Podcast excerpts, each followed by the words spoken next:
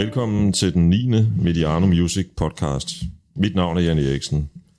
Denne gang fortsætter vi med serien album, og ligesom sidste gang med Metallica, så er det med en lidt anderledes twist, som øh, jeg meget snart kommer tilbage til.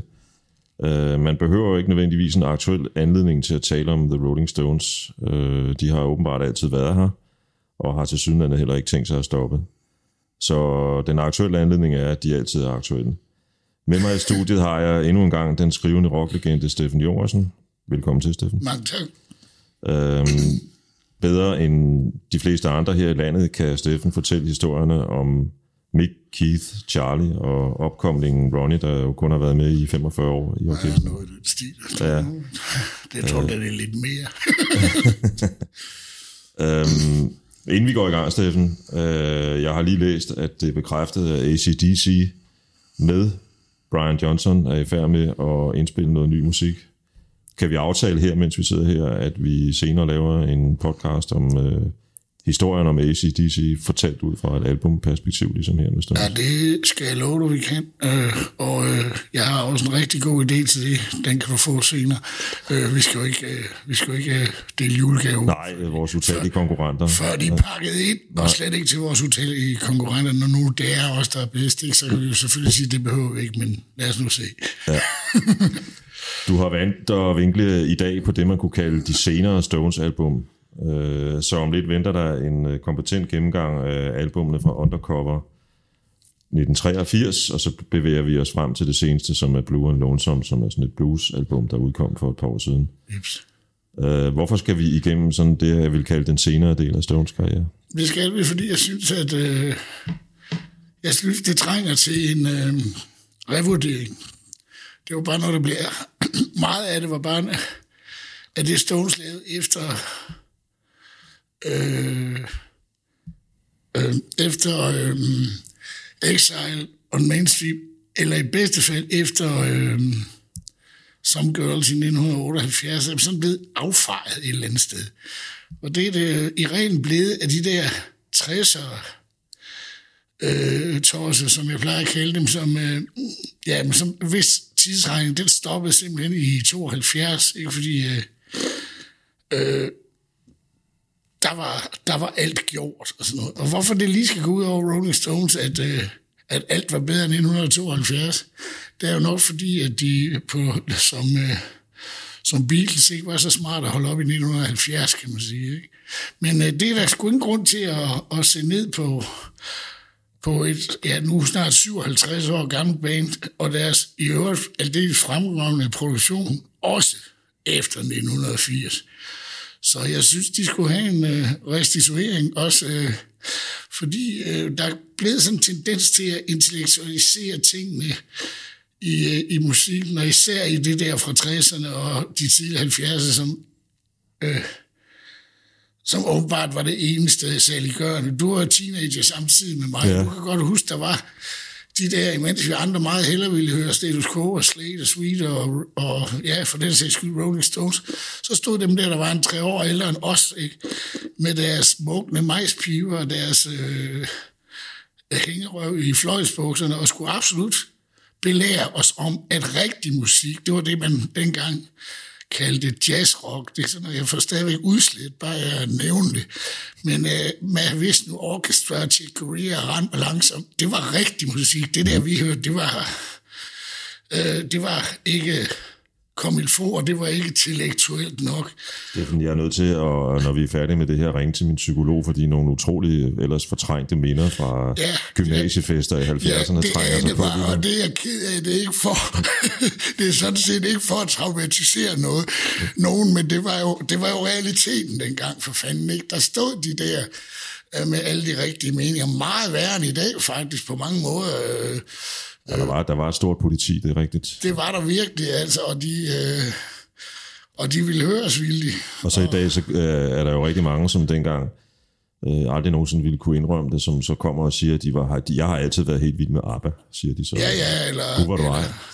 Eller gud, jeg... Du deltog i demonstrationer mod ABBA, hvis, ja, hvis, du var, hvis du var svensker og boede i Stockholm. Det, bare, det, det er dem der, der, der øh, hvis hele verden styrtede sammen, da, øh, da man fandt ud af, at at øh, der var måske andet her i verden end med Vision orkester. Nu har de forsøgt at fortrænge det i så mange år, og, der, og, og de samme mennesker igen, da Genesis blev kommercielle, og hvad vi har, eller Yes, da Yes, jeg tror, jeg tror der var et stort kollektivt dødsfald i de kredse der dengang, dengang Yes lavede Owner of, of a Lonely Heart i forhold til dengang de lavede Close to the Edge, for alle nogen, var 25 minutter og en, og en verdenskrig. Det kan forklare, hvorfor at, øh, at de årgange, der er født cirka 80, er de mindste årgange i Danmarks historie. Der var simpelthen ingen til at føde dem på det tidspunkt. jeg har egentlig, jeg, jeg har egentlig tænkt over det på det, men det kan sgu da godt være. Inden vi begynder med det første nummer, så, så skal de komme med en, en lille forbrugeroplysning, eller rettere sagt, jeg tror, jeg vil bede dig om at komme med den, fordi du har været til en del turnépremiere i forbindelse med de albums, vi kommer til at snakke med, og det kunne være, at vi lige skulle opfriske, øh, hvad det er. Altså, du har været i USA nogle gange, blandt andet. Ja, jeg har set, øh, jeg har set verdenspremierne på, øh, på Voodoo Lounge turnéen i 94 på, det var i Washington, det vender vi tilbage til på en eller anden måde sikkert, og til på øh, British to Babylon-turen i Chicago i 1997. Og øh, den næste turné, det var, den, øh, det var deres 40-års jubilæumstur. Den var jeg desværre ikke i USA til. Det var, den måtte jeg nøjes med Europa. Men så i 2005 igen til at Big Bang i et dobbelt knald på, i Boston på det der meget legendariske Fenway Stadium, hvor the, the, er det ikke The Red Sox, de hedder holdet der i, i Boston? det tror jeg nok. Og så øh, de andre turnéer siden da, ja, 89 øh, har jeg så også været til stort set alle Europa-premieren. Ikke? Jeg øh, dækkede på et tidspunkt, hvor Steffen var syg, øh, den meget omtalte koncert i Horsens i 2006, øh, hvor der var alt, alt for mange tilhører. 80.000. Det var jo faktisk kun os, der var så heldige at have VIP-billetter, der fik en øh, i øvrigt ganske fremragende koncertoplevelse ud af det. Øhm, jeg tror, vi starter med at lytte til et nummer, der hedder Tie You Up, The Pain of Love, fra netop omtalte Undercover, som udkom i 83. Yes.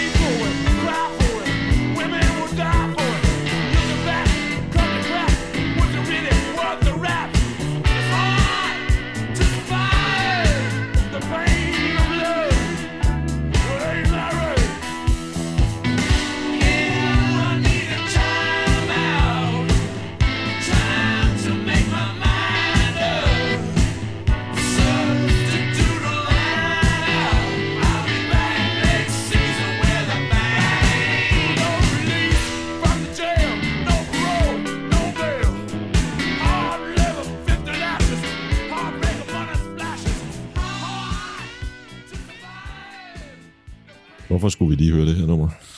Øhm, fordi øhm, der er nok nogen, der har glemt, hvor godt det er, som jeg siger. altså, man kunne godt have spillet On the Cover of the Night, eller, øh, eller, eller, eller andet fra den her plade, som folk kender bedre. Men igen, øh, som hele udgangspunktet for den her udsendelse er, så er Undercover et undervurderet album. Øh, og det er faktisk også, øh, nu kan man jo tydeligt høre den øh, store rumklang, øh, 80'er produktion på det her, ikke? men det er faktisk en øh, dansplade før danspladerne. Mick Jagger har jo altid, siden dengang, siden, øh, hvad skal vi sige, øh, øh, Bill Wyman øh, Stones daværende bassist lavede, øh, lavede basgangen til Miss You. har, havde, har Mick Jagger et stykke af vejen været lidt besat af disco. Ja. og det, det her er bare endnu et eksempel, og dem er der en del af på netop Undercover. Øh, det, jeg synes, man skal hæve sig til, det er, hvor godt det er lavet. Øh, og, øh, og, og, og, og så er der en ting mere ved, ved Undercover. Det er en af Stones øh, få øh, virkelig øh, virkelig politiske plader. Øh, Mick Jagger vil jo i regel nødig hænges op på noget som helst, øh, hvorfor han også er næsten umulig at interviewe. Men øh, jeg har prøvet. Du har forsøgt. jeg har prøvet, ja. Øh, men, øh, men denne her, den er faktisk, øh, det, var, det var i en tid, hvor, hvor, hvor kontra Nicaragua, alt det der... Øh, øh, alt det der ballade med CIA og, og ja, some things never change, når man tænker på Venezuela i dag, men hvor CIA altid skulle blande sig i alle konflikter alle steder. Og der er en del på den her plade, der faktisk handler om det, og i det hele taget om magtmisbrug. Og så er selvfølgelig er der altid et par stykker, der handler om mix magt over kvinderne, men det må vi jo tage med. nu kommer vi jo faktisk øh, ind på noget, som, som, som jeg synes, det her nummer er et meget godt eksempel på, hvordan hans tekster ofte er sådan lidt dobbelttydige. Og den her kan ligefrem være tredobbelttydig. Ja, det kunne den godt.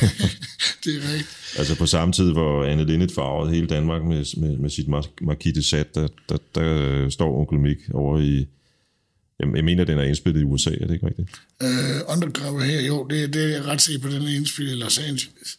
Ja, øh, der står han derovre og laver noget, der, der kan tolkes på samme måde. Øh, samtidig med det, som du selv siger, også kan handle om, om øh, efterretningstjenesters øh, måde at føre sig frem på. Det er jo egentlig et, et øh, når nu Mick Jagger netop er så, øh, så sky i forhold til at have klare sådan politiske standpunkter, øh, hvilket man kunne se på en single, han udsendte for, for et par år siden, eller måske var det sidste år, som var sådan en, øh, en single om, om England i, sådan et decline oven på Brexit og sådan noget. Den, den kan faktisk forstås, så den støtter alt.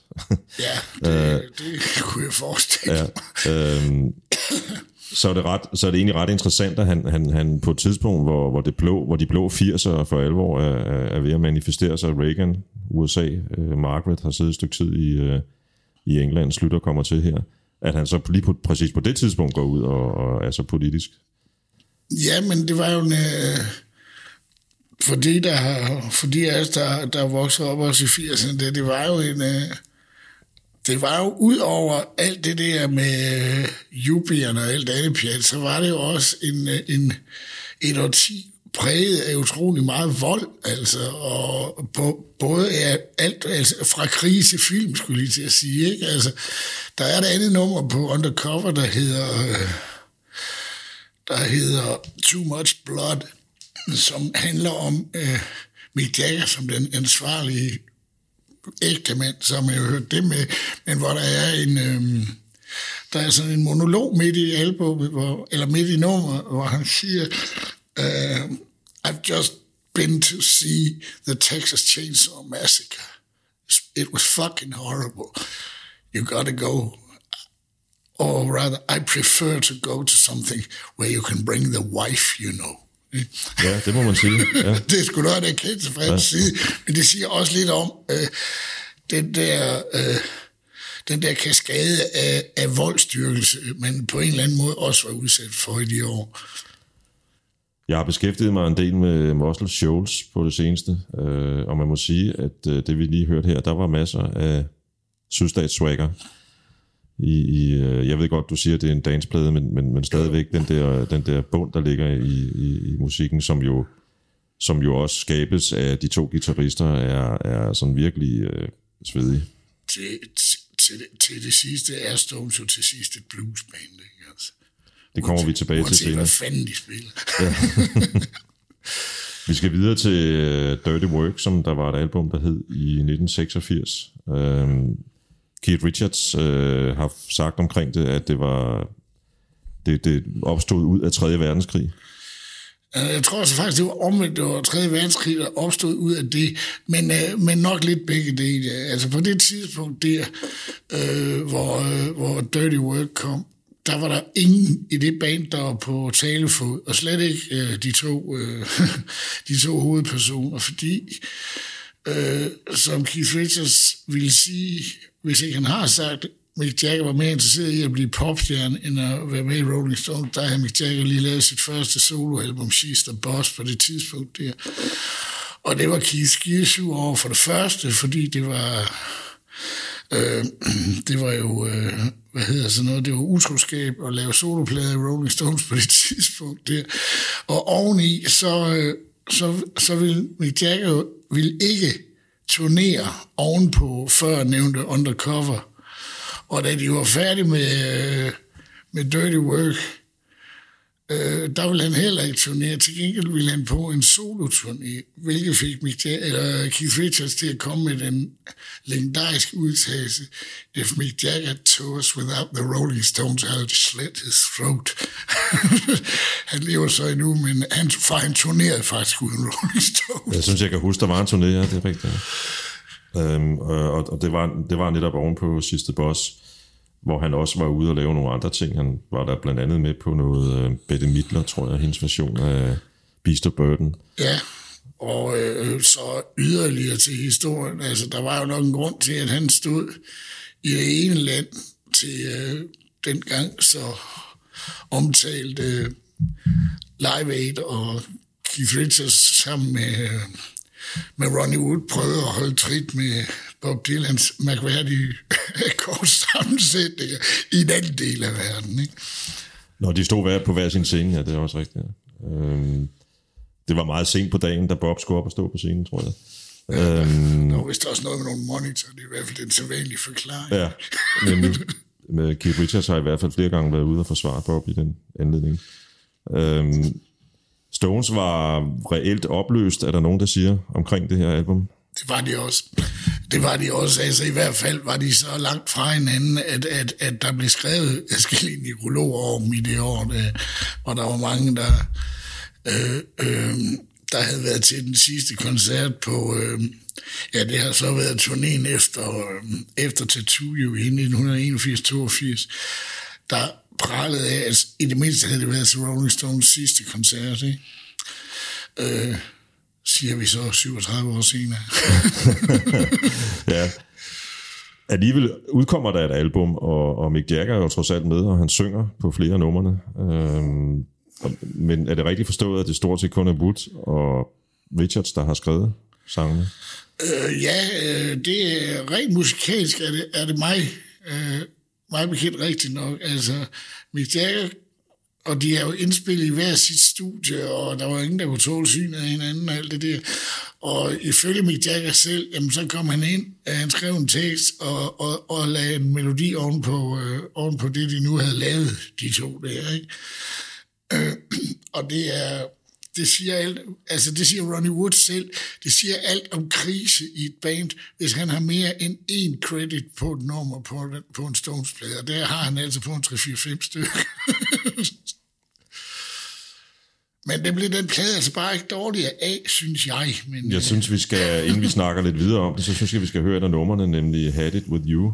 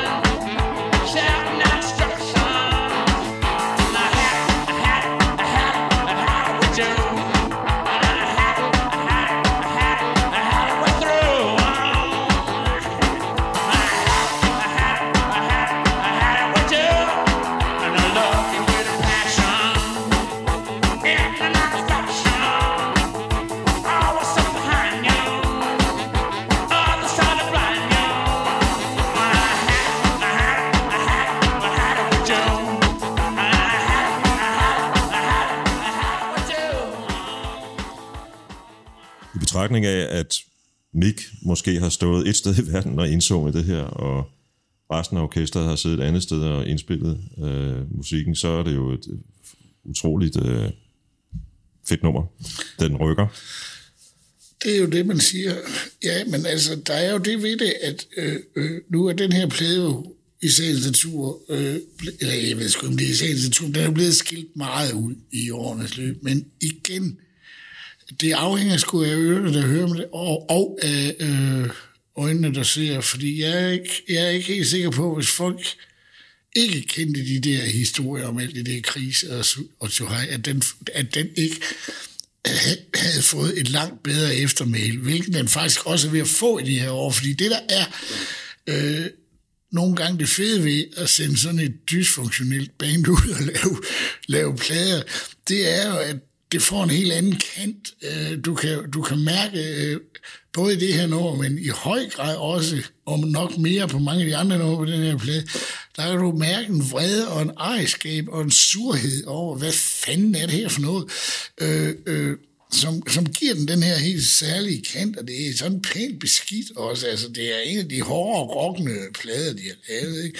Og den der, vi lige hørte nu, Had It With You, som, øh, som du siger, Øh, det er meget godt klart, at nogen, der står i hver deres studie. Jeg tror, hvis de har stået i det samme, så har Mick Jagger nok fået tæsk for den her tekst, fordi øh, den skal, på overfladen, der handler det jo selvfølgelig om en, øh, om en kæreste, der har gjort ham uret og sådan noget. Men enhver idiot kan læse i, i den her tekst, at er skide sur på en, han arbejder ret tæt sammen med til daglig. så han havde, han havde fået nok af Keith Richards, ikke? Og det hører så også med til den her historie, at, øh, at, at Stones var så dysfunktionel i de år, det er, at, at stille og roligt uh, Charlie Watts, uh, Stones tromslag, gik lige så stille og blev heroinafhængig i de år der. Ja, fordi han havde ellers holdt sig rimelig clean i, han har holdt sig rimelig clean, i alle som, de mange år, hvor de andre øh, Men som han, som, han, som han havde sagt, som han sagde engang, som det var, da det kom frem, fordi det tog faktisk nogle år, jo, ikke? men uh, da det kom frem, så siger han, jamen, sådan som det kørte, ja, så gik jeg lige så stille og blev narkoman. Det synes jeg jo sådan set, der var nogen grund til at underholde nogen med. men altså, men uh, det kommer derover igen, det kære menneske. Men, uh, men, uh, men, uh, og han er heller ikke særskilt... Uh, uh, uh, aktiv på den her plade. Han har fået god hjælp af blandt andet Jim Keltner, der har hjulpet rigtig mange i årens løb. Ikke? Og mm.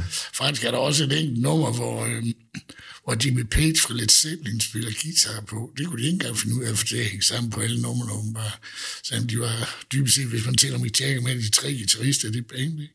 Det er jo ellers en af de, må man sige, relativt ufortalte historier om The Rolling Stones, at de har besøg af Led Zeppelin på et af deres album. Men han er med på en af det. Jeg kan ikke lige huske, hvilket nummer det er, men det kan man hurtigt google, men han er med på et nummer på den her. Jeg kommer til at tænke på, når vi lytter til det her nummer, så kommer jeg til at tænke på producerens rolle i Rolling Stones. Han er, han er altså tilfældigvis Steve Lillywhite på det her album. Når de arbejder, og nu er det selvfølgelig, som du selv siger, et meget specielt album, men har, har produceren egentlig noget at skulle have sagt i, i, øh, i sådan et studie, hvor hvor så hvor, hvor, hvor øh, to øh, til tre øh, så, så hvad skal man sige erfarne og, og, og selvbevidste herrer står og skal have deres guld lagt ned. Ja, men det har han. Det har han, og det kan man også godt høre på deres forskellige plader. Vi kommer lidt ind på det senere med, øh, med det album, der hedder Bridges to Babylon. Men jo, men det har de helt bestemt. Øh, du kan jo også sige, ikke, altså hvis ikke at øh, de havde noget at skulle have sagt, hvad fanden skulle de så gøre det, fordi, øh, hvad der for, fordi Stones producerer en del af deres tidligere plader selv, ikke, altså The Glimmer Twins, som det så smukt hedder med de to, ikke. Øh, så der var ingen grund til at invitere producer tilbage, øh, eller invitere producer ind, hvis ikke at, at de fik noget at sige. Og du kan også høre her, altså Lily White er jo kendt for mange ting, men han er først, der tror, i hvert fald i min fantasi er han mest kendt for, at, at han kan virkelig lave en lyd, hvor, hvor, hvor instrumenterne skiller, du kan høre alt, hvad der foregår, og det er sådan selv noget, der er så råt som det her, rimelig klart, hvis, hvis det giver mening. ja, ja. Det lykkedes uh, Stones uh, at blive gode venner. Uh, her var vi i 86, i 89 udkommer Steel Wheels, øh, og inden vi måske snakker lidt om albumet, hvad var det egentlig, der førte dem sammen igen fra krigszonen? Ja, ud over, ud over pengene. Nej.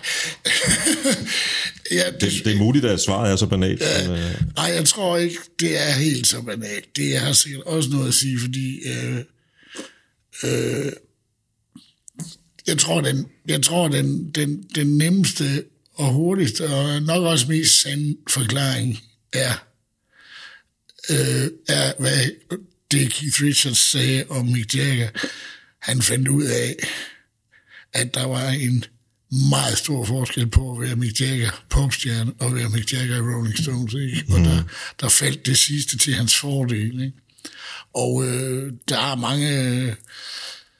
Øh, der er, mange, der er mange historier om det der, men, men jeg tror faktisk, det er nogenlunde så simpelt, øh, fordi Mick Jaggers andet soloalbum, der er udkommet i år, der, hvor, hvor, hvor de ja, reelt jo nok var opløst, ikke? der er Primitive Cool, det, øh, det, var, det var en fiasko simpelthen. Ikke? Altså, øh, She's the Boss kom trods alt ind på, på hitlisterne, og der var også et enkelt mindre hit eller to på den, ikke? Primitive Cool bombede fuldstændig, ikke? Altså. Der, er jo også, altså, der sker jo også det i 80'erne, at der er nogle forskellige omstændigheder, der ligesom finder sammen og gør det til noget specielt at være, hvad skal man sige, være rockstjerne, popstjerne. Øhm, pladerne sælger rigtig meget, og de begynder for alvor at sælge, da CD'en kommer ind på markedet. Den er kvadratisk, praktisk god øh, og, og, og nemmere at have med at gøre. Den, den tilbyder også en, en, hvad kan man sige, en ny high-tech generation, et helt andet lydbillede, end vinylerne gjorde. Der er rigtig mange penge. Øh, selv, øh, altså hvad kan man sige, sådan nogle øh, amerikaner-stjerner, øh, som øh, musikere som Mellencamp og Bob Dylan og, og Bruce Springsteen, begynder at, at stille sig frem med, med veste, hvor, eller hvad kan man sige, kopperjakker, hvor, hvor ærmerne er klippet af, så man kan se deres, man kan se deres store overarme. Hvad er det, du vil lyde, du gør med det jeg bare vil frem til er, at måske har Mick Jagger også ligesom været lidt forblændet af den der sådan øh, den der måde, som det blev pustet op og være altså, det var jo, Der var jo meget, der blev pustet op i, i, i 80'erne fra... Også ja, MTV, glemte jeg at nævne før. Fra lyden til, til MTV, til, til billederne, til det hele, til skulderpuderne og hår, der skulle helst være lige så højt og, og alt det der, ikke? Altså, og, og, og øh, Jamen, altså, Mick Jagger har jo altid haft ambitioner ud over Rolling Stones. Det har han aldrig lagt skjul på, vel? Men øh, han har bare ikke været særlig god til det, og der, og der tror jeg faktisk, at Keith har ret i, at han hører hjem i Rolling Stones for fanden. Jeg tror også, eller jeg ved, at det også er en rolle, han nu har fundet sig til rette i langt om længe, eller det har han jo selvfølgelig haft i mange år, men, men turné efter turné, kunne man se, at de blev gladere og gladere for at spille i de år der efter her, hvor de kommer tilbage i, i 89. Ikke? Ja. Lad os prøve at lytte til Mixed Emotions fra Steel Wheels.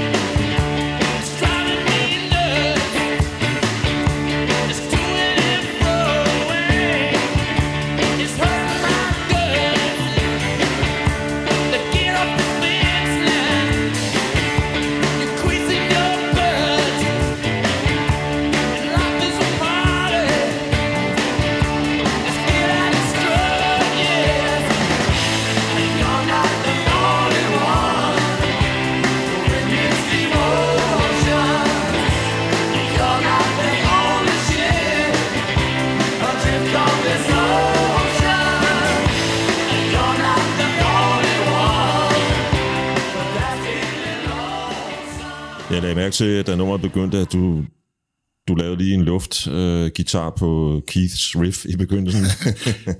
Selv efter alle disse år. ja, ja, det siger jo meget om nummeret, kan man sige. Ikke? Det gør det, og det er også et nummer, der står mit hjerte nær, fordi vi øh, og bør stå andre Stones-fans hjerte nær. Øh, fordi nu snakker vi om, øh, om, om, om det forhold, de to havde haft til hinanden øh, øh, op til det her album. Og øh, jeg kan huske en video, eller også var det et nyhedsindslag, hvor, hvor øh, jeg tror, det er en video, hvor, øh, hvor, hvor Keith og Mick står i studiet sammen og er ved at banke det her nummer sammen. Og det er så på en eller anden sted, et eller andet sted så smukt, fordi øh, på trods af den der tredje verdenskrig, som havde stået på de seneste fire år på det tidspunkt, der kan man bare se på, det, på, det, på den video, det er, at jamen, de har jo de har jo brug for hinanden for fanden, og hold kæft, hvor arbejder de godt sammen. De skrev, øh, det er der nok ikke så mange, der ved, men da de endelig kom sammen igen og skulle op til at lave den her plade, der skrev de 50 sange på nogle få dage. Mm. så øh, jeg tror ikke, der er nogen tvivl om, hvor det er bedst.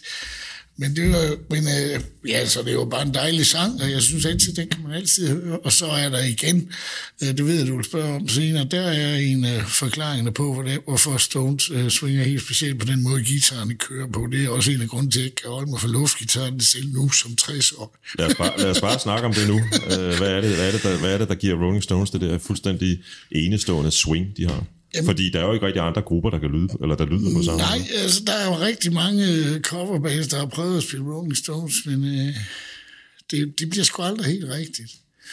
Det der er grund til, eller det, det er der nok flere grunde til, men en af grundene er, at Stones spiller sammen på en helt speciel måde, og især Keith Richards, Ron Wood og øh, Charlie Watts spiller utroligt, øh, spiller, spiller sammen på en helt speciel måde. For eksempel, Charlie Watts vælger øh, og øh, følge Keith øh, i sit trommespil, i stedet for, som normalt er for en trommeslager, at køre sammen med bassisten. Ikke?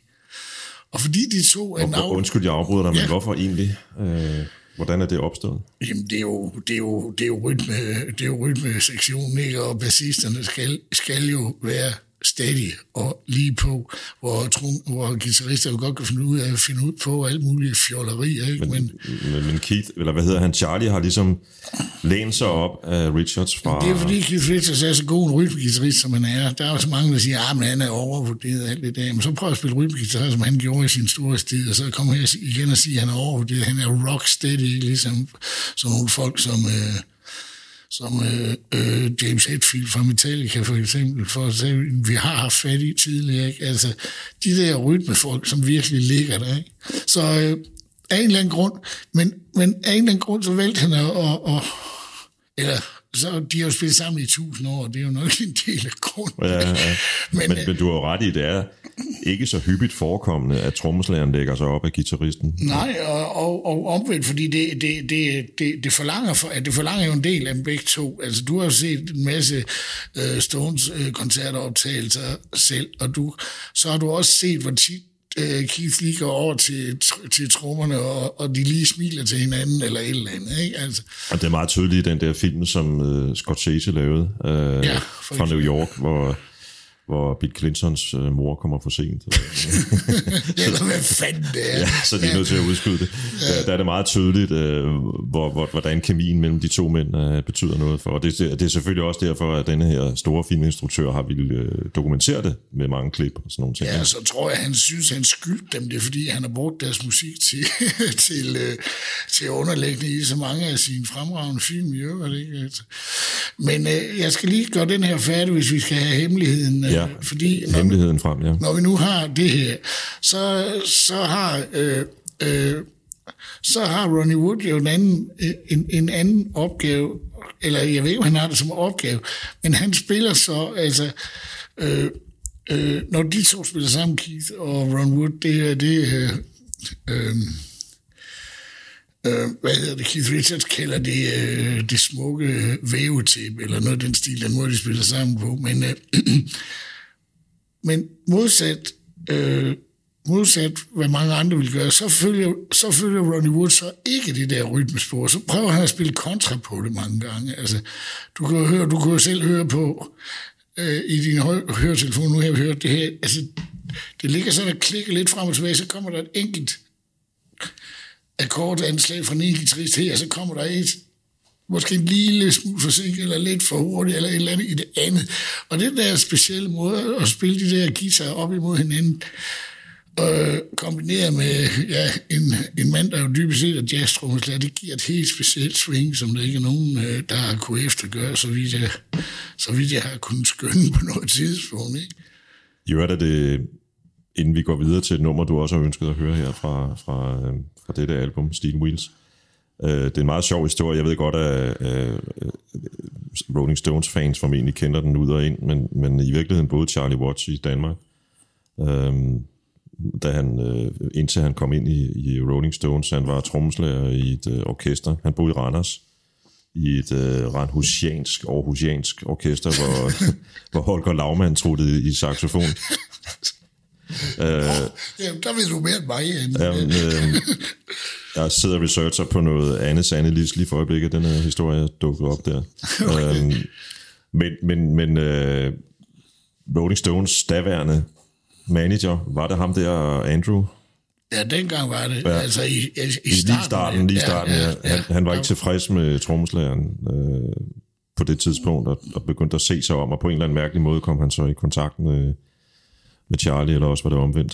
Jamen, de spillede jo, øh, altså, dengang var der jo, var linje, eller hvad hedder det, der var grænsen imellem jazz og rock, og det, de kaldte rhythm and blues, den rigtige rhythm and blues, ikke det der mærkelige pop, i de kalder R&B i dag, vel, men øh, grænsen dengang, den var jo den var totalt blød, ikke? så de kom i de samme kreds, de spillede også de samme steder, altså der hvor, der hvor, øh, hvor, øh, hvor Stone spillede deres første koncert nogensinde øh, på, på The Marquis Club, og de spillede også meget på en klub, en klub der hedder Hundred Club i London, der spillede alle, alle de der jo, uanset øh, øh, stil jo, fordi der var jo ikke rigtig nogen, der kunne finde ud af endnu, hvad man skulle kalde sig noget som Rolling Stones. Øh, dengang de startede, der kunne de jo lige så godt have kaldt dem jazzband, og folk var jo lige kloge for fanden, ikke? fordi der var ikke nogen, der hørte sådan noget før, vel? Ikke? På den måde, det Nej, jeg, jeg plejer faktisk for mig selv, at, øh, at, at kalde uh, Rolling Stones for rhythm and blues, for, ligesom, for mig selv ligesom at sætte, et,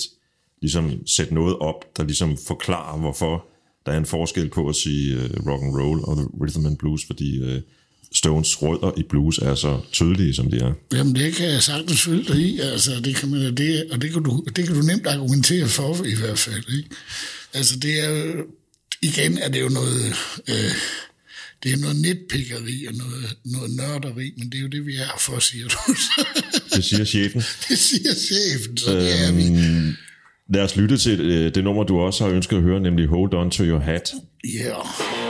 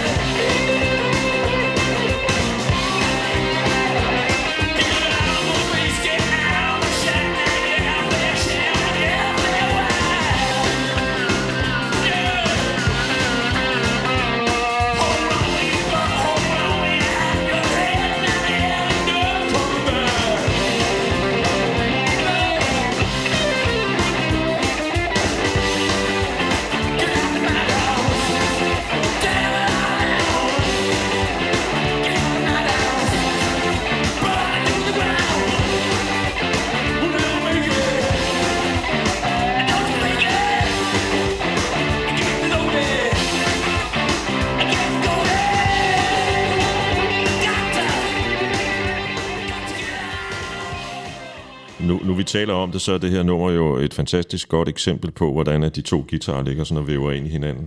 Det er det, og det er også, øh, lige det her nummer er, øh, øh, det er med her, øh, fordi, øh, altså selvfølgelig fordi det er et fedt rock roll nummer, øh, og, øh, men også fordi øh, det er ligesom sådan et nummer, der, hvor du kan høre, at nu er vi tilbage, og nu skal vi vise jer, skal vi. Og samtidig så peger det også helt tilbage til de rødder, du talte om tidligere, fordi øh, folk, der kender en rigtig, rigtig gammel klassiker, der hedder Come On Everybody, der blev lavet af en gut, der hed Eddie Cochran sidst i 50'erne, første 60'erne, kan godt høre, at øh, det har de lånt en del af til den her. Ikke? Altså, så, så trækker vi lige fortiden med os op, samtidig med, at vi fortæller, at nu er vi tilbage. Mm. Lad os springe øh, fem år frem. Næste album hedder Voodoo Lounge. Yes. Øhm, jeg ved, du har en særlig forkærlighed for det album. Ja, øh, det har jeg flere år. Så, øh, altså, det har jeg, øh, det har jeg for det første, fordi, øh, øh, ja, selvfølgelig fordi det er en god plade. Ikke? Altså, der er mange, der har sagt, at den er lidt for lang, og det er den nok også, men den var lidt over en time. Men, øh, men også fordi, øh, øh, igen, øh, Stones har været ude på tur med for første gang i, ja, i næsten 10 år, eller i 7 år i hvert fald, med, med efter, efter Steel Wheels, og man kunne godt mærke, at, øh, at, at, at de var ved at finde sig selv øh, endnu mere øh, på den, både på turnéen, men sådan set også på pladen. Ikke?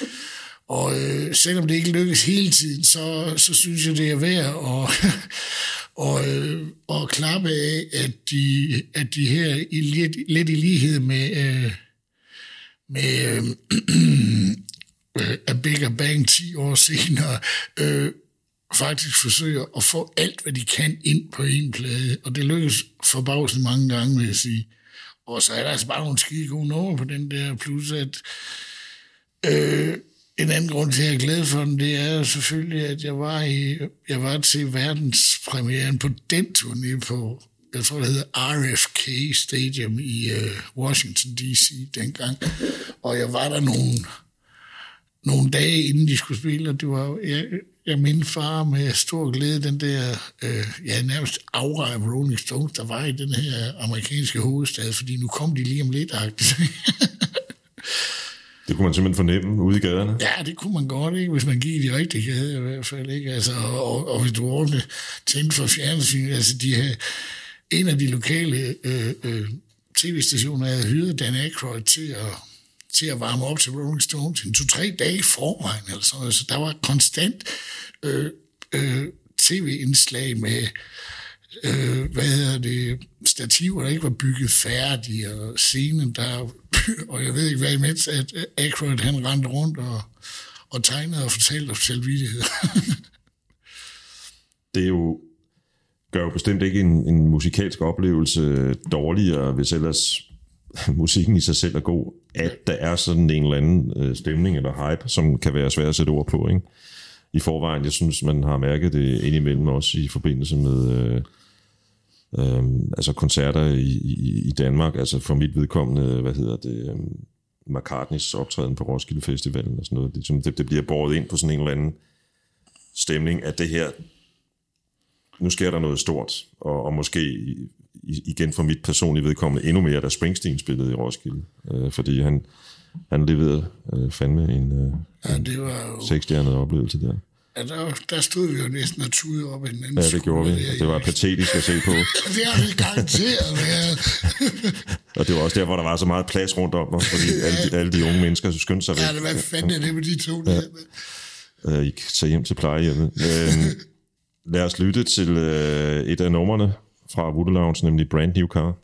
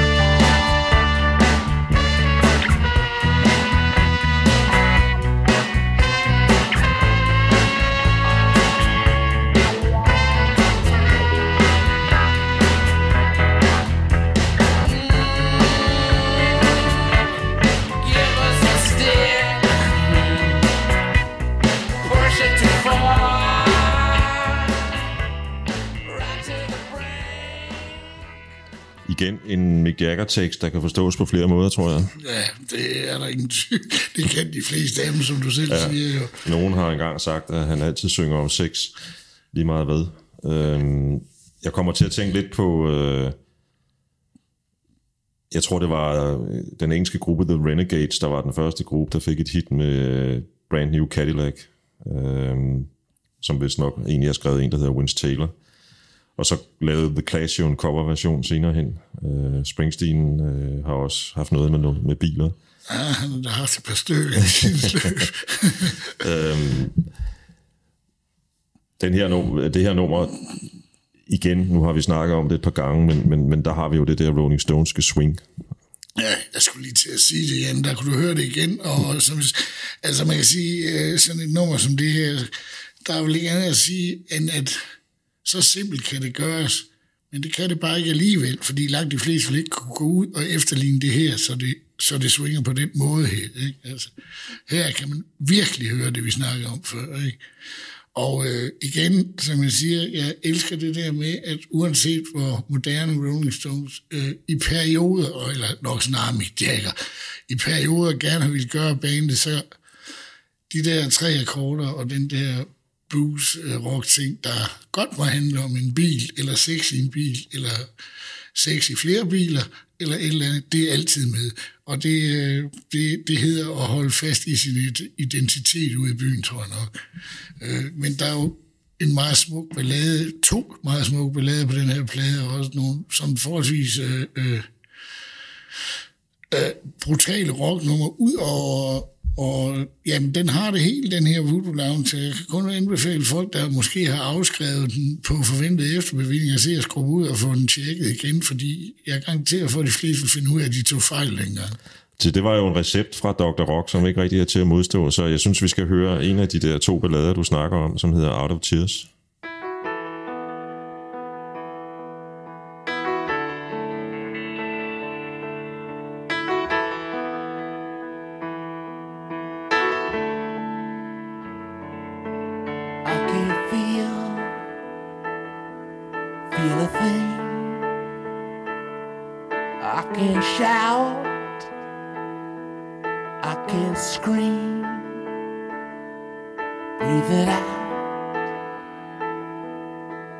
Breathe it in. All this love from within.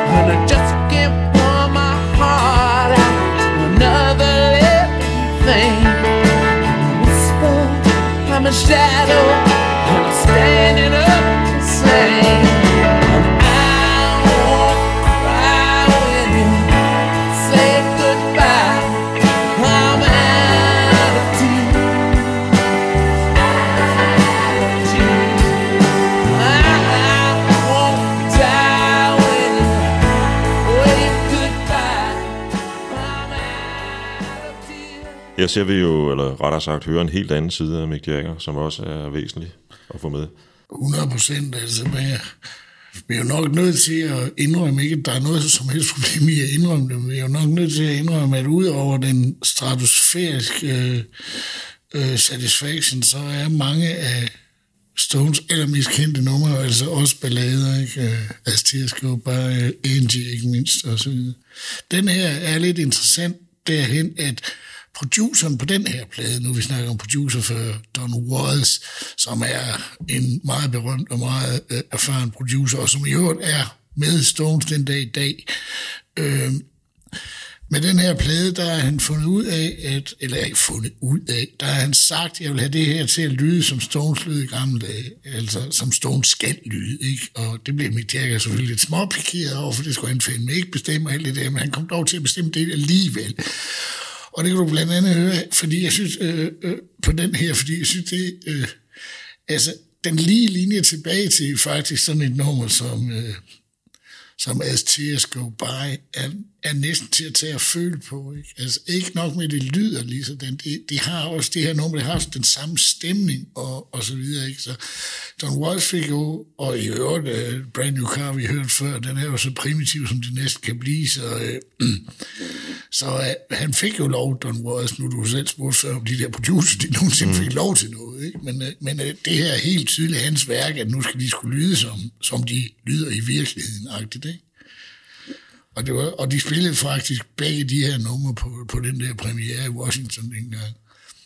Var, nej, undskyld. Ja, ikke, nej, men jeg vil bare lige fortælle, at det her var jo så også øh, den første plade uden Bill Wyman, øh, Stones oprindelige bassist, som havde trukket sig tilbage nogle år før, hvor Keith Richards selvfølgelig råbte op om, at man forlod kun Stones i en kiste og alt det der, ikke? men han gik altså alligevel. Nå, men så som en anekdote her i nørderiafdelingen, så kan jeg fortælle, at den aften, eller i den periode der, hvor de spillede i øh, Washington i, øh, i det her, i det herrens år der, 94, øh, der kørte en eller anden, det gør det jo tit i USA, der kørte en eller anden øh, debat i, øh, i de bestemte kammer om pensionsalder og alt sådan noget. Det minder lidt om det, der foregår hjemme i øjeblikket. Eller, og pensionsordninger, en hel masse om pension. Det var det helt store emne, også i USA på det tidspunkt. Og så øh, i løbet af koncerten, eller da Mick Jagger så skal sige velkommen til koncerten, sådan tre numre inden, som han plejer, eller sådan noget, så siger han, ja, ja, god aften og velkommen og alt det her. Øh, fedt at være i Washington. Jeg har sgu da ikke hørt så meget om pensionsordninger, siden Bill Wyman gik ud af banen, inden de spillede videre. Ikke? Nå, men det kommer ikke sagen ved, men øh, så får det jo videre. Jeg tror muligvis, øh, og øh, folk med forstand på amerikansk politik må skyde mig ned. Jeg tror muligvis, det handlede om, at Bill Clinton, ny, forholdsvis nyvalgt demokratisk præsident, forsøgte at, at indføre nogle sådan lidt mere, hvad skal man sige, øh, fyldige pensionsordninger for Det amerikanerne. nemt være noget i den stil, ja. og boksede med det republikanske, øh, den republikanske modpart i både senat og kongres. Ja, det gør de jo hver gang, de forsøger at gøre et eller andet. Så rent faktisk kommer de lidt fattigere til gode. Ja, nemlig. Øhm, det her det er så en, øh, undskyld, lytter, bro videre til næste album. Bridges to Babylon. Ja. Øhm, der var igen noget med, at de var lidt uenige. Ja, se der, øh, nu du siger det, ja, lige kommer over den der med bro, du skal fortælle noget mere om den bro senere. Nej, ja, øh, igen, så var de to herrer jo på kant, og den her plade indspillet, den endte jo også med, at de ikke var på talefod, indtil de så skulle ud og spille, og så var alle glade, alle glade kunne man se. Men øh, øh, igen, det er den der producer-ting. Jeg, synes ikke, jeg håber ikke, lytterne synes, det er for med alle de producer, men det er en del af, af den her historie, at øh, igen vil Jagger jo gerne have moderniseret det her øh, øh, lydbillede en lille smule, øh, og måske endda lidt i protest mod, øh, øh, at før nævnte Don Ross fik så meget skulle have sagt på, på, det, på det forrige. Øh, så øh, var Mick Jagger i de år der meget, øh, øh, meget øh, glad for øh, et producerpar, der hedder Dust Brothers, som på daværende tidspunkt øh, producerede Beck og øh, Beastie Boys. Altså, så kan man næsten selv forestille sig, hvad sådan en øh, fundamentalist som Keith Richards ville sige til det. Øh, og han sagde følgende, jeg er sgu ikke meget for de der Loop Brothers. Øh, hensyn til, at for første gang kom der faktisk samplinger på et par Rolling Stones nummer. Det har der heller ikke været at sige, så vidt jeg ved. Det endte faktisk med et af dem, at, øh, at der var nogen, der havde der havde sat en eller anden studiegitarist til at fuck lidt med noget, Keith havde lavet, og da han kom og hørte det næste dag, så smed han den pågældende på lidt ud af studiet. Han fik besked på aldrig at komme tilbage. Nå, men øh, det endte jo, som, som sådan noget ofte gør i et øh, kompromis. Øh, der var en tre nummer, hvor de her Dust Brothers, vi får et af dem at høre lige om lidt, eller øh, om to nummer to nummer for nu, øh, men øh, tror jeg nu. Men, vi, kommer, vi, vi kommer til at spille to numre i rap. Og, ja, okay. Ja. Fordi det første nummer, hvis det er i den her rækkefølge med Out of Control og Anybody Seen My Baby, så uh, Out of Control, det er uden Dust Brothers og Anybody Seen My Baby, det er med, men I kan sgu nok ikke høre forskel alligevel, fordi det er sådan noget, det er jo tit sådan noget, bands, de går og, og slår hinanden oven i hovedet med i studiet, når det så kommer ud, så der er jo ingen sjæl, der kan høre det, det er bare noget, de, har, det er bare noget, de selv har haft at skændes om med deres ego, og hvad fanden vi har, ikke?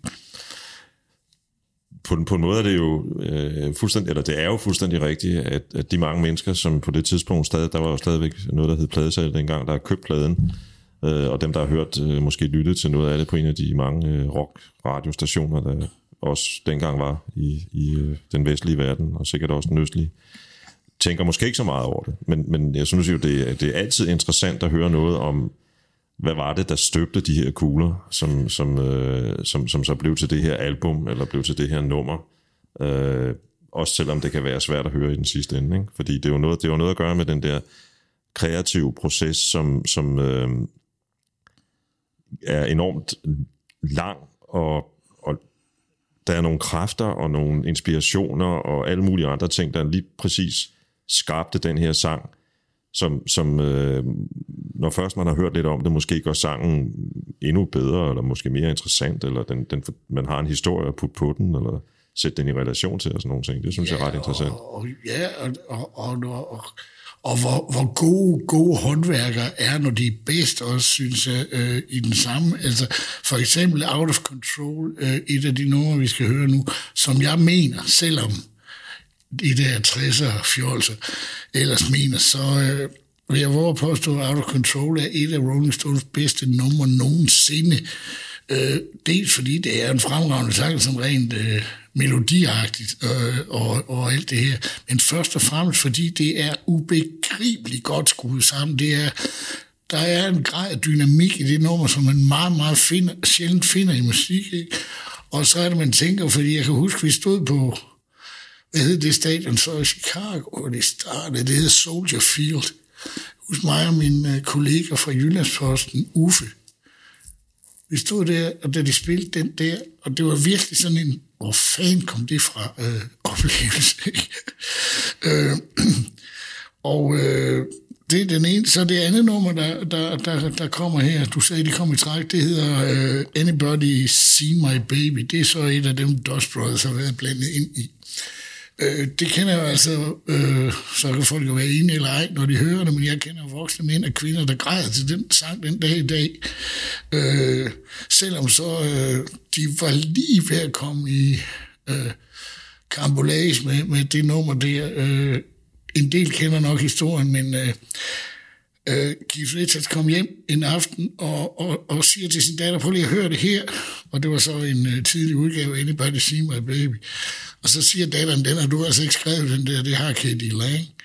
Nå for satan, så kommer jeg, det er et Katie Lang nummer, der hedder Constant Craving, så den kan I jo prøve at sætte på det hjemme og så høre det, for det er stort set det samme omkvæd, så i sidste øjeblik, så blev de lige sat på, uh, Katie Lang og hendes medkomponist sat på sammen med Keith, Keith og Mick på den her sang. Det er godt hørt af datteren, som Modsat sin far, så hører hun musik efter 1958, men Øhm, lad os høre de to numre.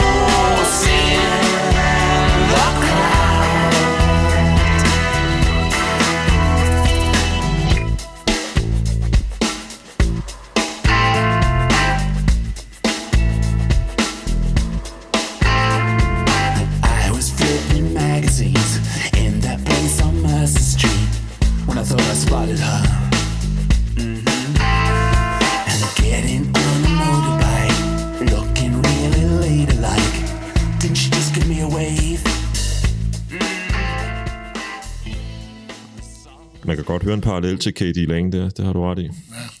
og Keiths datter ret i. Øhm, det er jo to, øh, hvad kan man sige, sådan lidt, lidt, lidt, lidt, lidt øh, sådan afdæmpet, lidt langsomme numre. Øh, det, der slår mig ved, i hvert fald det første Out of Control, er, at det er fedt at høre, hvordan et band, der på det tidspunkt har været plus 50, altså hvor medlemmerne har været plus 50 alle sammen, alligevel kan lyde så farlige. Jamen, det er jo, øh, som jeg plejer at sige, det er sådan, den det er et lydspor til, du ved, at, at gå ned af sådan en, en regnvåd øh, øh, vej, en, en regnvåd gade øh, i et tvivlsomt øh, kvarter i New York ret sent på natten. Ikke? Altså det, øh, den der med, I was out on the street, I was øh, angry, I was drinking again, og så videre, så videre, så videre. Ikke? Øh, og det, den der stemning, den er så, som jeg siger, den er så godt ramt også øh, igen på grund af et, en opvisning i dynamisk spil, som, øh, som jeg som sagt ikke mindes at have hørt bedre. Altså, det, øh, og, øh, og, og øh, ja, hvad fanden... Stones har jo altid været gode til de der storbyplader ting, ikke? Altså, hvor man, øh, hvor man, når de ikke lige spiller øh, Chicago Blues, så er det meget ofte noget, der, der, der er sådan stemningsmæssigt øh, roder, øh, lokker en ind i, på, store, på Storbyens gader, og gerne der, hvor, hvor, hvor, hvor damerne er lette, og det måske er helt ufarligt. Altså sådan øh, en lang rabalderstræde, ikke? Igennem Ja, præcis, 57 år. eller sådan noget. I 2005 kommer A Bigger Bang, Øh, og det var så den turné, der kom forbi øh, Horsens, som jeg indledte med at nævne. Øhm, hvor var Stones inde på det tidspunkt?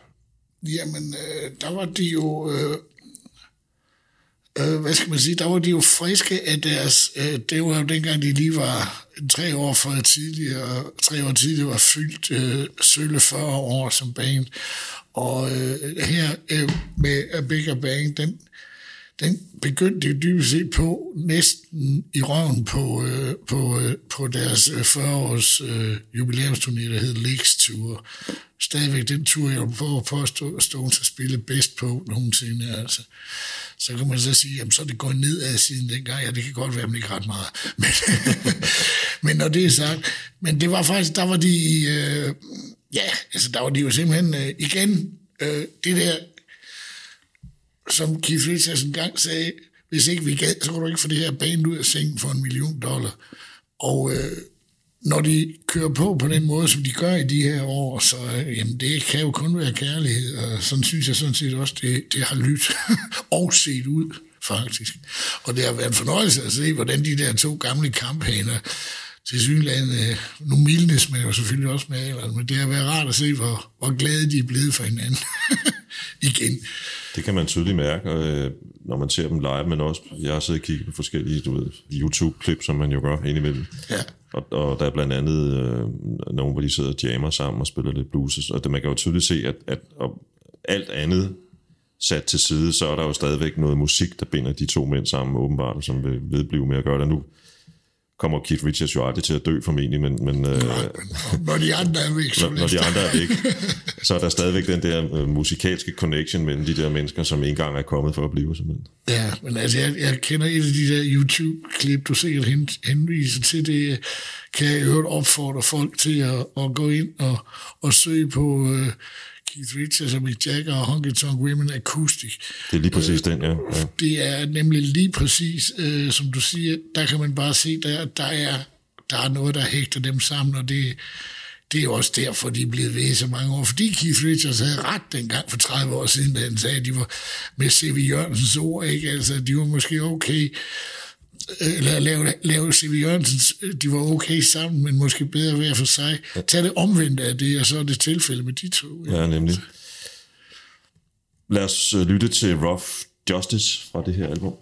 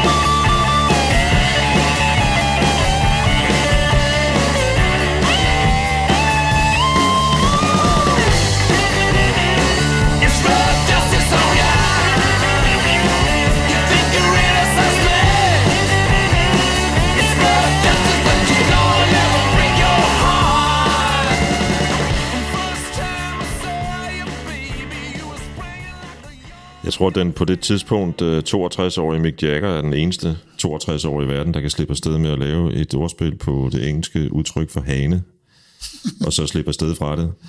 Øhm, igen et øh, herligt rock and roll nummer. Men igen et af dem der, som jeg siger, er med, at nu skal vi lige vise jer. Ikke? 62 år eller ej. Den der, den der linje, du hentyder til, jo, den er sgu meget god. Altså, mm. I used to be a little red rooster. Det var jo et af deres første hits. Ja, præcis, ja, Gammel ja, blues ja. nu. And now I'm just one of your cocks. Det er jo smukt for fanden. Nå, men... ja, men Der findes, der findes ikke nogen solnedgang, der er smukkere end det der. Nej, gud gør der ej. Så kan folk sige, hvad de vil. Ikke? Og så kan du, hvis du så kan kigge på den der solnedgang igen, en, en Jack Daniels, så bliver det endnu bedre. Mm. Men ja, det her nummer kan nok bedst øh, forklare signifikansen af, eller hvad man nu skal kalde det ved, og øh, øh, fortælle noget om vores, øh, så kommer han nemlig også med her, vores fælles bekendte Thomas Helmi. Øh, dengang den her plade kom, så sidder jeg, jeg, så jeg, jeg sidder og interviewet Thomas som et eller andet, eller hvad fanden det var, men så ved jeg ikke rigtig, hvordan vi kom ind på den her plade. Men det gjorde, så siger han, vi sad i, vi sad i turbussen, siger, siger han så, og så, så kom den der øh, øh, Rough Justice på, og jeg havde ikke hørt den før, og jeg sad der og øh, siger til hvad er det der, er det Sex Pistols, eller eller, eller? Jeg siger, nej, det er sgu da Rolling Stone. Gud, så ved jeg ikke, om Thomas allerede, der trods alt er en små 20 år yngre end de her her, øh, havde problemer med, med sit selvtillid lige på det tidspunkt. Men som man så sagde til, til både mig og de andre i banen, okay, hvis de kan lave den der i den alder, så kan vi godt blive ved i nogle år endnu. Mm, mm. og det er øh, et nummer øh, ud, øh, lavet af en flok øh, veteraner, der kan, der kan få den øh, reaktion frem. Det, det synes jeg et eller andet sted er fedt. og det er i øvrigt... Øh, Øh, for det er et ret brutalt, det er et ret brutalt sang. Den, det er Michael Poulsen fra Volbeat, som øh, jeg bringer frem i tid og udtid. Det er, mere, det er jo fordi, han er en af mine venner, så jeg kan som regel huske, hvad han har sagt. Øh, han, jo ikke, øh, han var jo en af dem der, der var sin, sin ringe eller til trods, var jo en af dem der, der siger, at Stones var bedst på Aftermath, og før den, så der vil vi nå ikke engang op til stikke finger, så det der med, men som han selv men han ringede faktisk til mig, da den her plade kom, og siger, Steffen, har du hørt nye Rolling Stones? Jeg siger, fanden tror du selv, mand, ikke? Jeg har bare én ting at sige, hold da kæft. Om du er godt, min dreng. ikke? Nå. Ja. Lad os lytte til et andet nummer fra pladen, inden vi går videre til grr, som øh, jeg tror, det skal udtales. ja, det skal sgu ikke ud.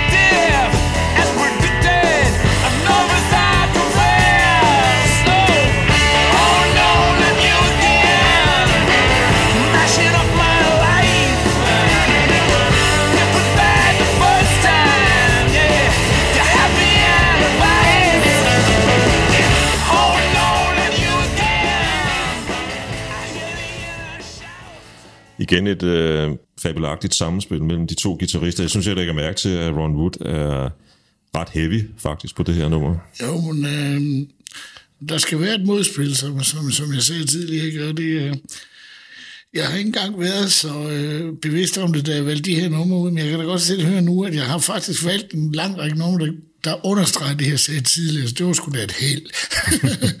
I øvrigt skal, jeg lige sige med den her Oh No Not You Again, bortset fra det er jo som sædvanligt, skal der være et nummer, der peger tilbage til Chuck Berry på Rolling Stones plade, ellers så dur det ikke.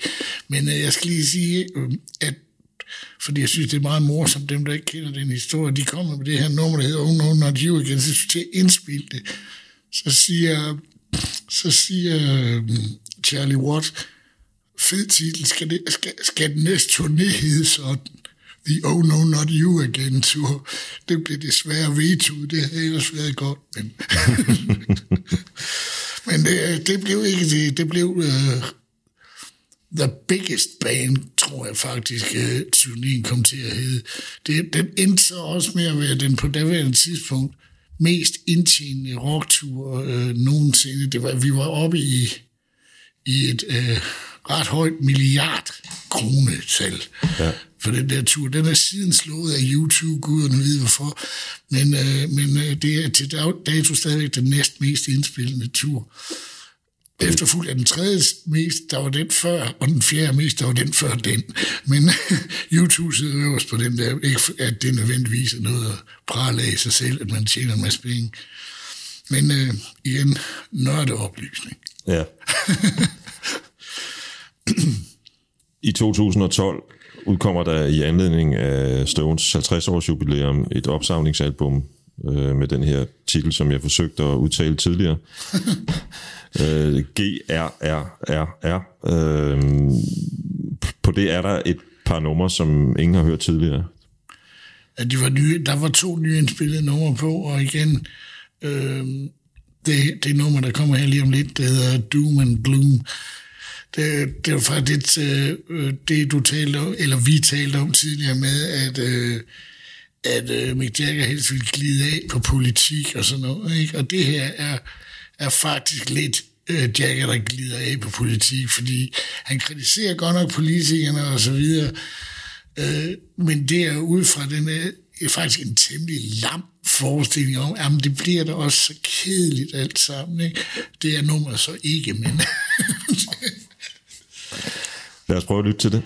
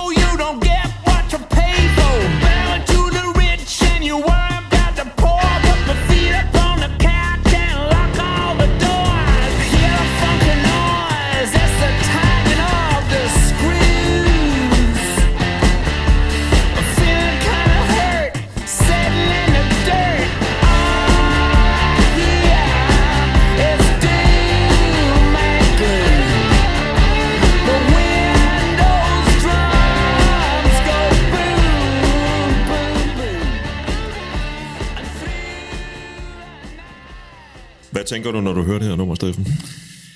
Jamen, øh, jeg tænker det samme, som jeg gjorde, da, da, da, da den kom, fordi øh, det her øh, opsamlingsværk, den fås i adskillige udgaver, men, øh, men øh, de længst, den længste af dem øh, er der så mange numre på, at, øh, at der skal altså noget til, for, og så mange klassikere på, at man skal, man skal have noget af en sang for, for at turde sætte en ny på.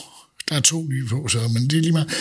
Men, øh, men da jeg hørte den her, der, der, hør, der jeg tænkte lidt det samme, som da jeg hørte øh, Rough Justice, som vi snakkede om tidligere med Thomas Helmis åbenbaring. Mm. Der, øh, der fik jeg lidt den samme åbenbaring med den her. Jamen, det er sgu da utroligt, altså, fordi øh, her er vi, hvor de er oppe ved deres 50 års jubilæum, de nærmer sig de 70 alle sammen, ikke? eller året efter fylder de der to herrer 70. Øh, og jeg kan huske, Mick Jagger sagde om det her nummer, øh, fordi hvad der nok er nogen, der ved, men andre måske ikke, øh, så er det ofte sådan, at, øh, at Mick Jagger har den største finger i deres hårde rocknummer, imens Keith har det i balladerne, og der vil mange måske tro, det er omvendt, men det er det ikke, og øh, den her sang, kan jeg huske, Mick Jagger sagde, jeg rev lige et par stykker af mig, fordi vi skal, jo, vi skal have lidt nyt med. jeg siger, okay, det er sådan, du ser på det, og så skriver du sådan en sang, det er sgu meget godt klaret, Mick. Også en historie at fortælle, fordi jeg godt lige vil restituere Mick lidt, fordi folk har så travlt med, at han er en charlatan og en playboy og alt muligt andet, som han også er. Men havde det ikke været for Mick Jagger, så var Stones gået i er gået jævnt hen af 11 til for, ja, 40 år siden. Ikke? Øh, ah, 35 i hvert fald. Men øh, lad det være. Øh, men det var jo selvfølgelig øh, en, en stor fejre ting, og sådan noget. De åbnede øh, deres turné på den her med øh, i London, og så startede de faktisk med det nummer, de havde fået af konkurrenterne i Beatles øh, næsten 50 år før, I Wanna Be Your Man. Jeg var desværre ikke selv til stede i O2 i London. Det var en af mine venner, som altid insisterer på at møde op øh, i sin t-shirt for den der begivenhed, bare for at irritere mig. Du ved hvem, selv, hvem du er. you know who you are. Ja, lige præcis. Øh, men øh, det er jo sjovt at tænke på, øh, at Stones skulle helt op i nærheden af de 70, før de begyndte at slappe, slappe bare lidt af. Fordi det var faktisk først efter, de slog alle rekorder med den der øh, Big Bigger Bang Tour med at spille for halvanden million mennesker på Copacabana i, øh, i Rio. Så kunne de snart ikke slå flere rekorder.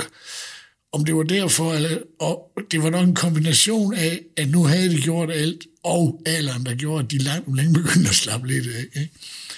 Øh, og derfor er de også selvfølgelig, som de jo blandt andet sagde, da de spillede, eller før de spillede i Roskilde, at øh, de ville prøve noget, de ikke har prøvet før. Ikke? Mm. Men, Inden øh, vi, inden vi springer til sidste øh, album, øh, Blue and Lonesome, med hidtil ja. sidste album, lad os lige skynde os at sige det. Hvad var den fornemmelse, du øh, forlod den øh, Roskilde Festival-koncert egentlig? Jamen, øh, øh, den, øh, øh, altså den første halve time, der var jeg bange for, at, øh, at det skulle crashe, fordi de, især Keith og, og, og Ronnie Wood, fumlede fandme rundt for sit liv. Øh, øh, men så skete der et eller andet. Altså, det, det, det kan, har jeg altid godt kunne lide med Rolling Stones. De spiller uden sikkerhedsnet, og så går det jo altså galt en gang imellem. Der er jo ikke noget her, der er øh, øh, sat på, sat på øh, formular. Og øh, selvfølgelig er der elektroniske hjælpemidler, men ikke i et omfang, så de ikke kan gå ud over øh, pladeudgaven, om jeg så må sige, som mange andre spiller på den måde. Ikke? Men det gør Stones ikke. De spiller stadigvæk som et gammeldags bluesorkester. Går det galt, så går det galt. Mm. Og det gjorde det til det i dele af, af den der Roskilde ting. Men de blev bedre og bedre, og øh, på et tidspunkt kan jeg huske, så øh, kiggede jeg mig over. Der stod vi jo igen i vores øh, Bruce Springsteen-hjørne. Du nævnte den koncert mm. før. Øh, jeg, jeg, på et tidspunkt så kigger jeg mig bagover, og så ser jeg, jeg tror aldrig, jeg har set så mange smil på én gang. Altså, det, det var virkelig fantastisk. Og det fede var, at mange af de største af de smil, det var sgu teenager, eller nogen, der lignede teenager i hvert fald. Ikke? Det var fandme smukt, ikke? ligesom en af vores fælles kolleger dengang, øh, øh, der var med os derude, havde sagt til mig, øh, er du derude mig, så er det dig, havde sagt til mig, at kan du ikke lave en Stones playliste til mig, for jeg kender dem ikke rigtigt. Så lavede jeg en øh, playlist med 25 numre, eller sådan, og så kendte hun alle 25. Ikke? Mm. Ja. og jeg tror, der var en del, der faktisk fik, altså de unge mennesker der, der fik den oplevelse, at de troede ikke, de kendte dem. Vel, altså. Ja. Og det var det smukkeste ved det. Det var ikke spillet, det var ikke særskilt smukt. Jeg synes, billedet er meget smukt på uh, Blue and Lonesome. Uh, det er jo back to the roots. Ja, så ender vi, så ender vi hvor vi startede, kan man sige. Ikke? Altså, øh, den der øh, Blue and Lone, som hvis vi lige skal runde, øh, runde den her udsendelse nogenlunde fornuftigt i dag. Nu overtager jeg det hele igen, jeg beklager. Men, Kør løs. men øh, den her øh, Blue and Lone, som den blev til i øh, december øh, 2005 på tre dage. Øh, så de fleste kan regne ud, at det er stort set spillet lige ind, som det gjorde, som de gjorde 50 år før. Øh, og det, de egentlig var gået i studie for, det var sådan set for at, øh, for at varme lidt op til at lave deres næste øh, egenkomponerede studieplade. Så langt kom de aldrig, fordi det der var så sjovt. Så spillede de blues i de der tre dage, og da de så hørte det bagefter, så tænkte de, det, der, det her det er da vist godt nok til at udsende. Det må man sige, det var det første album i mange, mange år, de har lavet, der gik direkte ind til nummer et på hitlisten i USA, så de havde jo nok ret. Men bortset fra det, så er det ufatteligt autentisk, selv efter alle disse år. Og specielt Mick Jagger og øh, både hans sang og hans mundharpe, det, det signalerer bare folk, der stadigvæk i den grad elsker det, de laver, og det er så smukt altså. Og øh, den der nye plade med egen kombineret nummer, rygterne kører for, øh, fortsætter, og Jagger, eller Roy Keith Richards har været ude med, at arm de er i gang, så den kommer måske i år og alt det der, men øh, man kan jo nok tillade sig at sige, at det lige år, år skulle ikke tage at komme i gang. Der er jo altså ikke nogen, der siger, at I er udødelige, trods alt. Jo, det er der nok nogen, der siger, at det passer jo nok ikke i virkeligheden. anyway, hvis det her, det bliver deres... Øh, øh, hvad hedder det, testamente, sådan rent øh, albummæssigt, så kunne det ikke gøres bedre, og, og, og cirklen kunne ikke, øh, hvad skal man sige, slutte smukkere. Altså. Det er en øh, passende måde at slutte den her podcast af på. Jeg vil lige sige, at øh, hvis man sætter sig ned og beslutter sig for at lytte til Blue and Lonesome, og det synes jeg, der er en mulig grund til, så prøv at se den dokumentar, der ligger på Netflix med Keith Richards, uh, Under the Influence hedder den. Uh, den handler på samme måde om en uh, musiker, der søger tilbage til sine rødder. Uh, tusind tak, Steffen, fordi du ville være med den gang igen. Det var en sand fornøjelse, og som, er mit, som en af mine veninder siger, du har blodtype Rolling Stones, så det var en meget stor fornøjelse.